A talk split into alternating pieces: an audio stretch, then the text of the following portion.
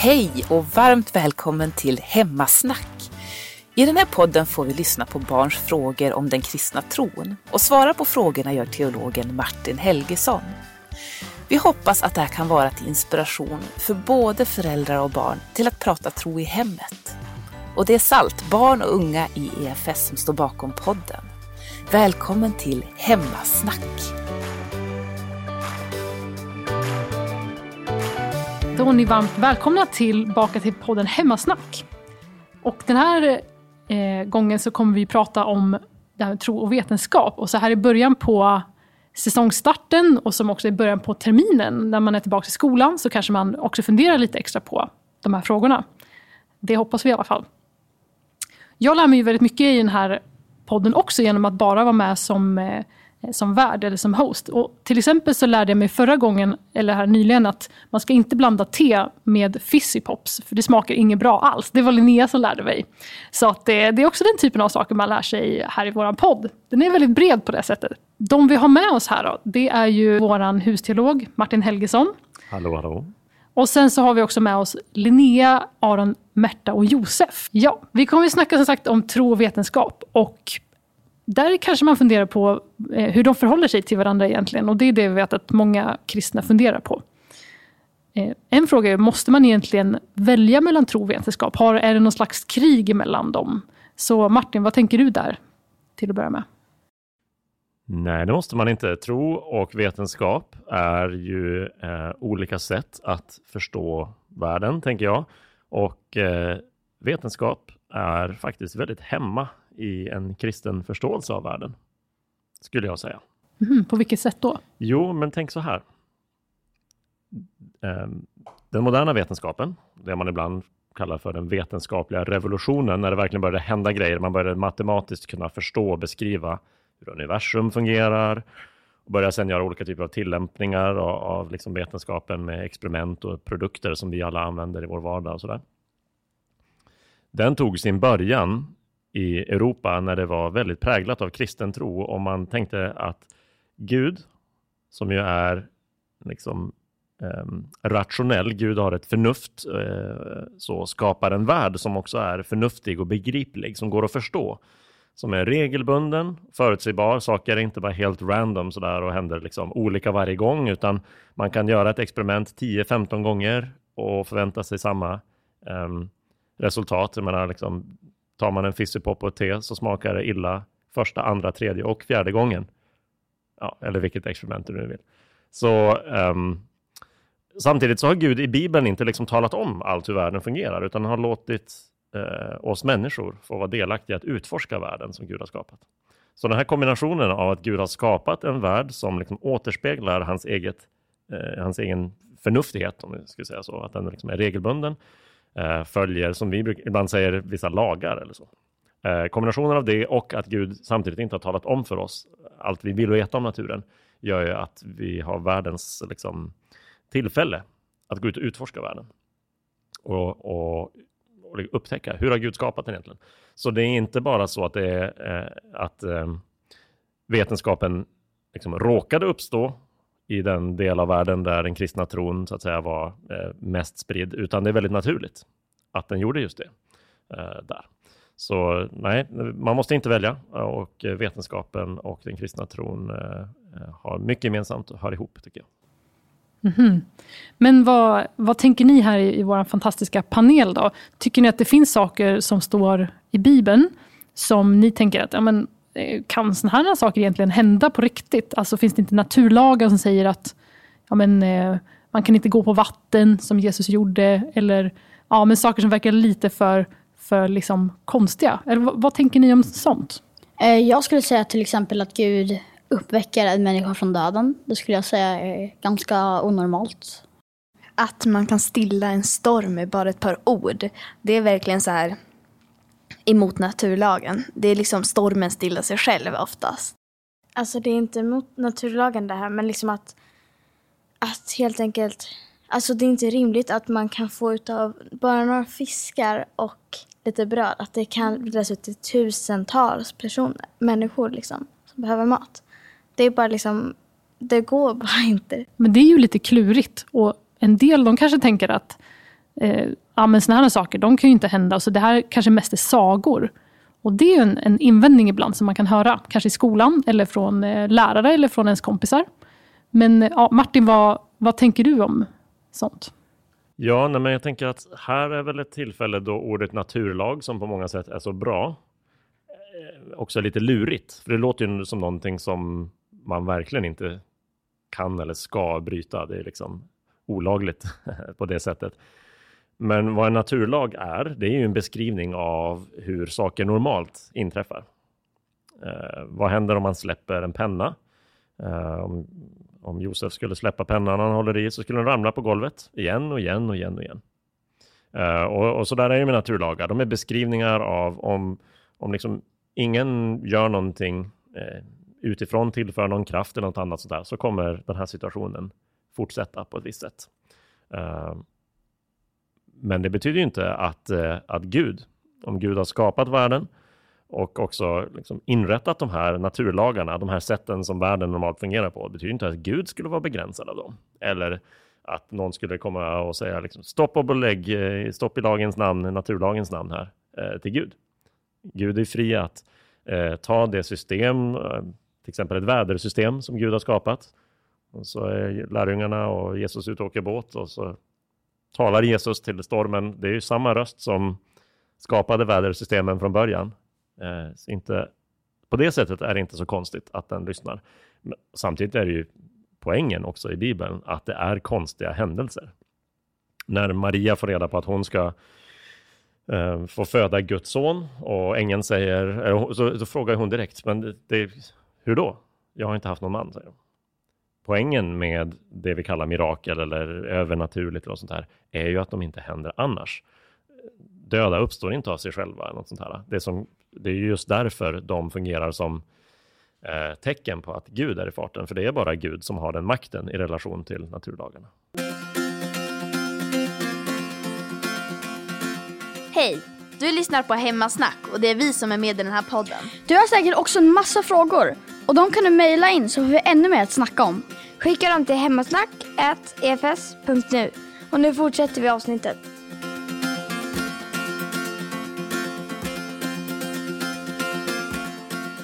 Vi har en del frågor nu kopplat till urs, alltså människans ursprung och saker som hände för länge sedan. Och det är kanske oftast där som en del tycker att det blir lite krock mellan vad som står i Bibeln och skapelseberättelsen och sen eh, det här med evolutionen och evolutionsteori och så. Så det är en ganska känslig fråga. Men Josef, du hade ju en fråga som hade att göra med, med vetenskapliga bevis och eh, människans ursprung. Vill du berätta? Hur kommer det sig att du hade den här frågan? Eh, jo, men jag tänkte ju... När det sägs ju att dinosaurierna fanns innan människorna. Men... Eller någonstans typ att de... För när man pratar om dinosaurier då nämner man ju aldrig att människorna finns också där. Så finns det något bevis för att Adam och Eva kanske levde med dinosaurier? Mm. Ja, det är en bra fråga. Eh, bra, bra fråga. Och eh, som du säger så är den, den standardteorin eh, liksom, som de flesta utgår från är att dinosaurier levde på jorden fram tills ungefär för 65-60 miljoner år sedan och att de troligtvis dog ut genom någon typ av massdöd, någon typ av katastrofal händelse, ofta en meteorit som träffar jorden. Och så. Um, och för en del kristna som då tänker att jorden inte är så gammal uh, så får man ju problem med den teorin och man börjar fundera, ha, får vi ihop, uh, hur får vi ihop det här liksom? Andra kristna är öppna för att världen har funnits mycket längre Eh, och tycker att det här dateringen är Inget problem, inget konstigt med det. Så där kan man tänka olika och eh, jag tycker inte att det är nödvändigt att man som kristen bestämmer sig eller måste liksom välja mellan att tänka jorden gammal eller ung. Det är någonting som vi kristna kan ha olika åsikter om. Um, men det finns några intressanta eh, liksom, grejer att fundera på när det kommer till eh, det här med dinosaurier och, och, när de dog ut och sådär. Och det är ju eh, då sådana saker som att i de i princip alla mänskliga kulturer så finns det liksom en idé, en bild, en föreställning om drakar. Stora ödlor. Man kan tycka att det är intressant och lite märkligt. Hur kommer det sig att alla mänskliga folkslag spridda över hela världen och så skulle liksom ha, kommer du tänka på drakar stora läskiga ödlor. Om, de, om det inte finns något. Eller om ingen men, människa någonsin har varit i kontakt med ett djur som ens påminner om det. Eller, så. eller ta den, den kinesiska mm, stjärntecknen, så, eller den här zodiaken, där man säger att det här är året. Och så finns det olika djur, då, att man säger oxens år eller råttans år. Och så där. Det finns tolv stycken olika sådana, elva av dem är riktiga djur och så är det tolfte en drake. Jaha, intressant.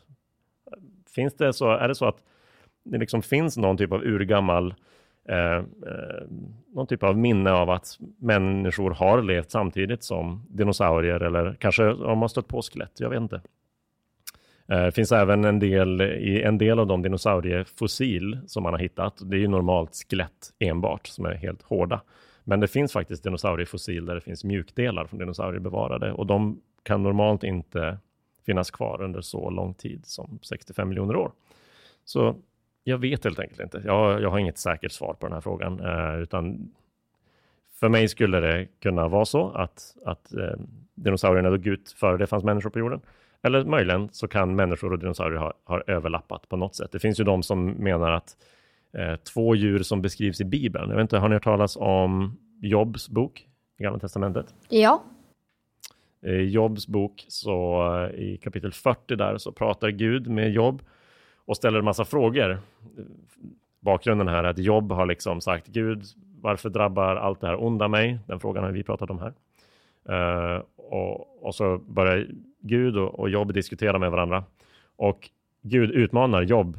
Om du, om du tror att du kan göra jobbet som Gud bättre än mig, då behöver du ha koll på eh, Behemot och Leviatan, nämns två djur. Och Behemot, djuret som lever på land, eh, har eh, ben som är så tjocka som cederträ.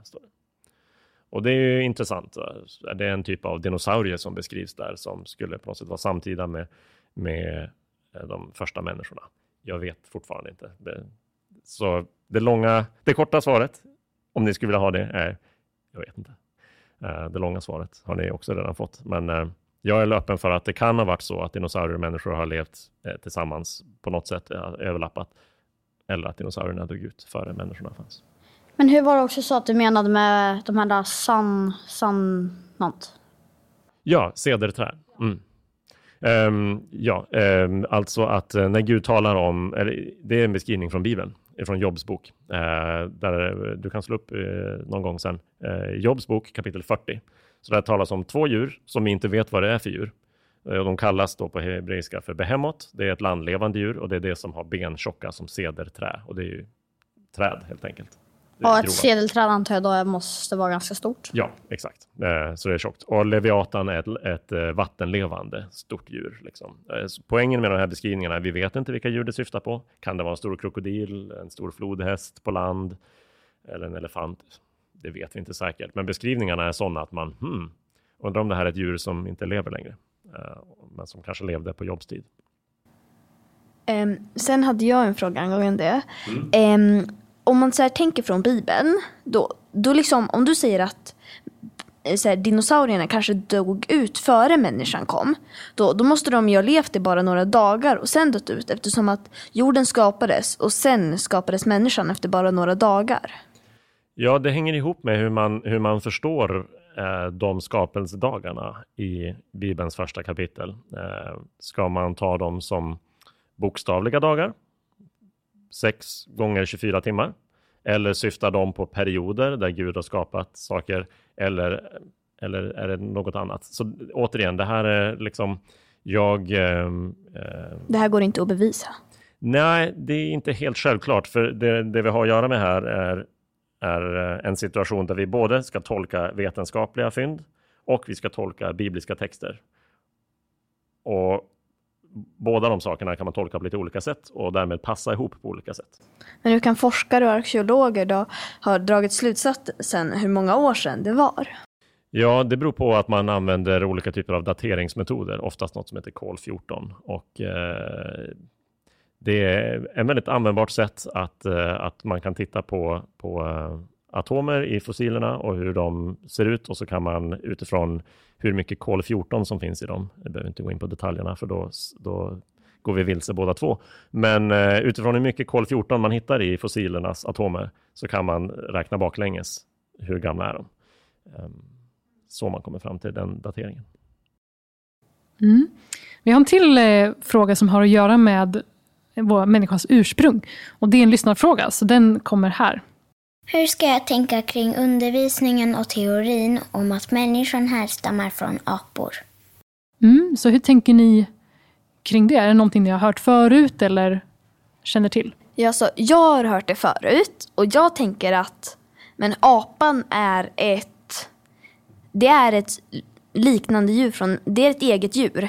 Men det är det djur som vi har tänkt är mest likt människan. Och de som inte tror på Gud, de eh, tror ju inte heller på skapelseberättelsen. Och därför måste de hitta någon anledning till att vi finns. Och då kanske de kommer på själva att apan har utvecklats. Det är så jag tänker. Jag har ju också sett många typ eh, bilder på utvecklingen från typ en apa till typ en människa. Men jag skulle säga att en apa har, eller det är det djuret som mest liknar en människa. Men om jag har förstått det rätt så är det så att råttor är det som man har närmast typ DNA till människan. Och det är därför man testar mycket mediciner och sånt på råttor och inte på, till exempel på apor. Mm, ja, intressant. Aron? Ja, nej, jag tycker det låter lite så att vi inte tänkt jättemycket. För att jag tycker att man förändras så mycket. Och att vissa apor har stannat kvar så mycket och vi har bara fortsatt utvecklas. Jag tycker det låter så här. De inte hade något bättre förslag. De bara tog det första bästa och jag hade inte tänkt så mycket. Och det finns ju inga direkt bevis för det heller. Mm. Ja, den är svår helt enkelt. Det här är en riktigt svår nöt. Det är en teori, det som heter evolutionsteorin, som har funnits eh, i luften sedan 1860-talet ungefär. En, en brittisk eh, man med långt skägg, eh, Charles Darwin, som skrev en bok där han lanserade den här teorin. Och man kan säga att eh, redan då, så började, när boken kom, så började kristna fundera på, okej, okay, den här teorin, hur ska vi förhålla oss till den? Ska vi helt förkasta den? Ska vi ta emot, alltså ska vi säga bara nej, det där är helt ut, ut och cyklar? Eller ska vi säga vissa delar av det, tror vi skulle kunna beskriva hur, hur Gud har skapat djuren och, och, och oss och sådär. Och fortfarande idag så är kristna väldigt delade i den här frågan. Eh, och jag har faktiskt varit med nyligen och gett ut en bok där fyra eh, kristna författare skriver varsitt kapitel och liksom förklarar hur man ser på det här. Så kristna som tror på Bibeln och tror på vetenskapen eh, kan ändå liksom ha lite olika sätt att se på det. Eh, det första man kan säga är att vi människor och vi, eh, och vi apor, nej, det var inte riktigt det jag skulle säga, att människor och apor har gemensamt ursprung eftersom vi alla är skapade av Gud. Eh, och jag skulle säga att den frågan, om vi så att säga, tror på Gud eller inte, att det är Gud som har skapat universum och alla djur som finns av oss, det är så mycket viktigare, så mycket mer avgörande fråga än hur Gud gick tillväga. Det fanns ju de som tyckte att det var väldigt, på något sätt, lite ovärdigt, förnedrande för människor att tänka att vi skulle ha kommit från apor. Men å andra sidan säger Bibeln att Gud använde en jordhög när han skapade den första människan. Så på något sätt säger ju Bibeln i alla fall att vi, Gud har skapat oss av, av eh, någonting som kommer från naturen, så att säga.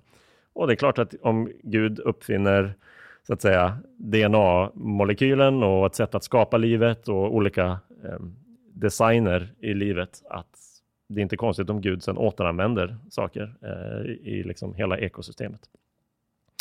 Så det är en knepig fråga och eh, samtidigt skulle jag säga att om Gud använder en jordhög eller en apa när han skapade människor spelar inte, det är liksom inte den avgörande frågan för mig. Jag har svårt att se hur evolutionsteorin utan Gud kan gå ihop. För jag tror inte att det naturliga urvalet och mutationer som man pratar om. Nu börjar det bli lite avancerat här, liksom, men det som skulle göra att evolutionen fungerar. Jag tror inte att det räcker till för att leda fram till det vi människor är idag. Men att evolutionen skulle kunna vara ett redskap som Gud använder. Uh, antingen i mindre steg eller i större steg. Det ser jag inte själv att det är omöjligt eller uteslutet. Men jag vet att kristna tänker väldigt olika där.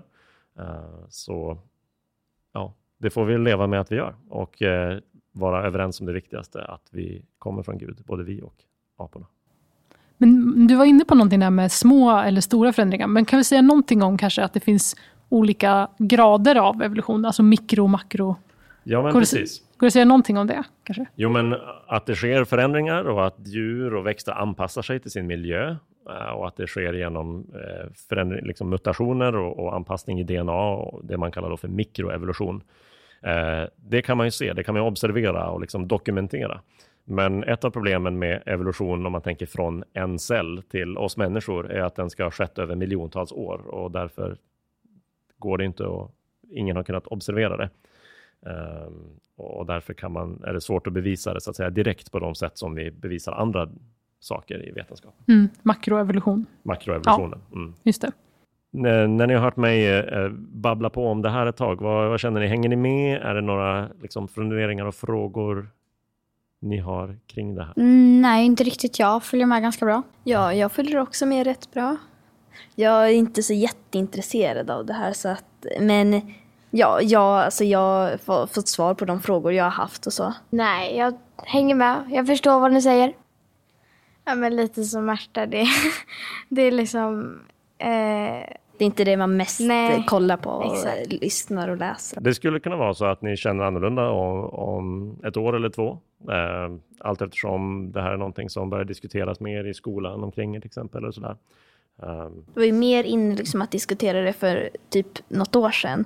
Och så har det blivit lite mer ute nu och så kommer det in igen och så. ja, jag tycker det är ganska intressant. Och ja, det är intressant att se hur folk tänker på idéer som jag tycker är helt konstiga och inte håller med om. Men det är kul att se vad andra tycker. Det jag också tycker är väldigt kul är att man får se ett perspektiv från teologer eftersom mina föräldrar till exempel inte är teologer. Så man får se från en annans vinkel. Ja, men vad kul. Det är ju jättesvåra frågor och ofta så finns det inga enkla svar heller. Så att det, det är det som är bra med att vi kan ha ett samtal om de här frågorna. absolut. Och där tror jag faktiskt att vi, vi stannar för den här gången eh, med det här svåra ämnet. Och eh, tackar för alla era bra tankar och för alla bra svar från dig Martin. Så kommer vi tillbaks senare till eh, ett annat spännande avsnitt här i våran podd. Så tack för idag! Hej då! Så roligt att du har lyssnat på Hemmasnack. Nu har även du som lyssnare möjlighet att ställa dina frågor till Martin. Maila gärna frågorna till hemmasnack snabel-a efs.nu.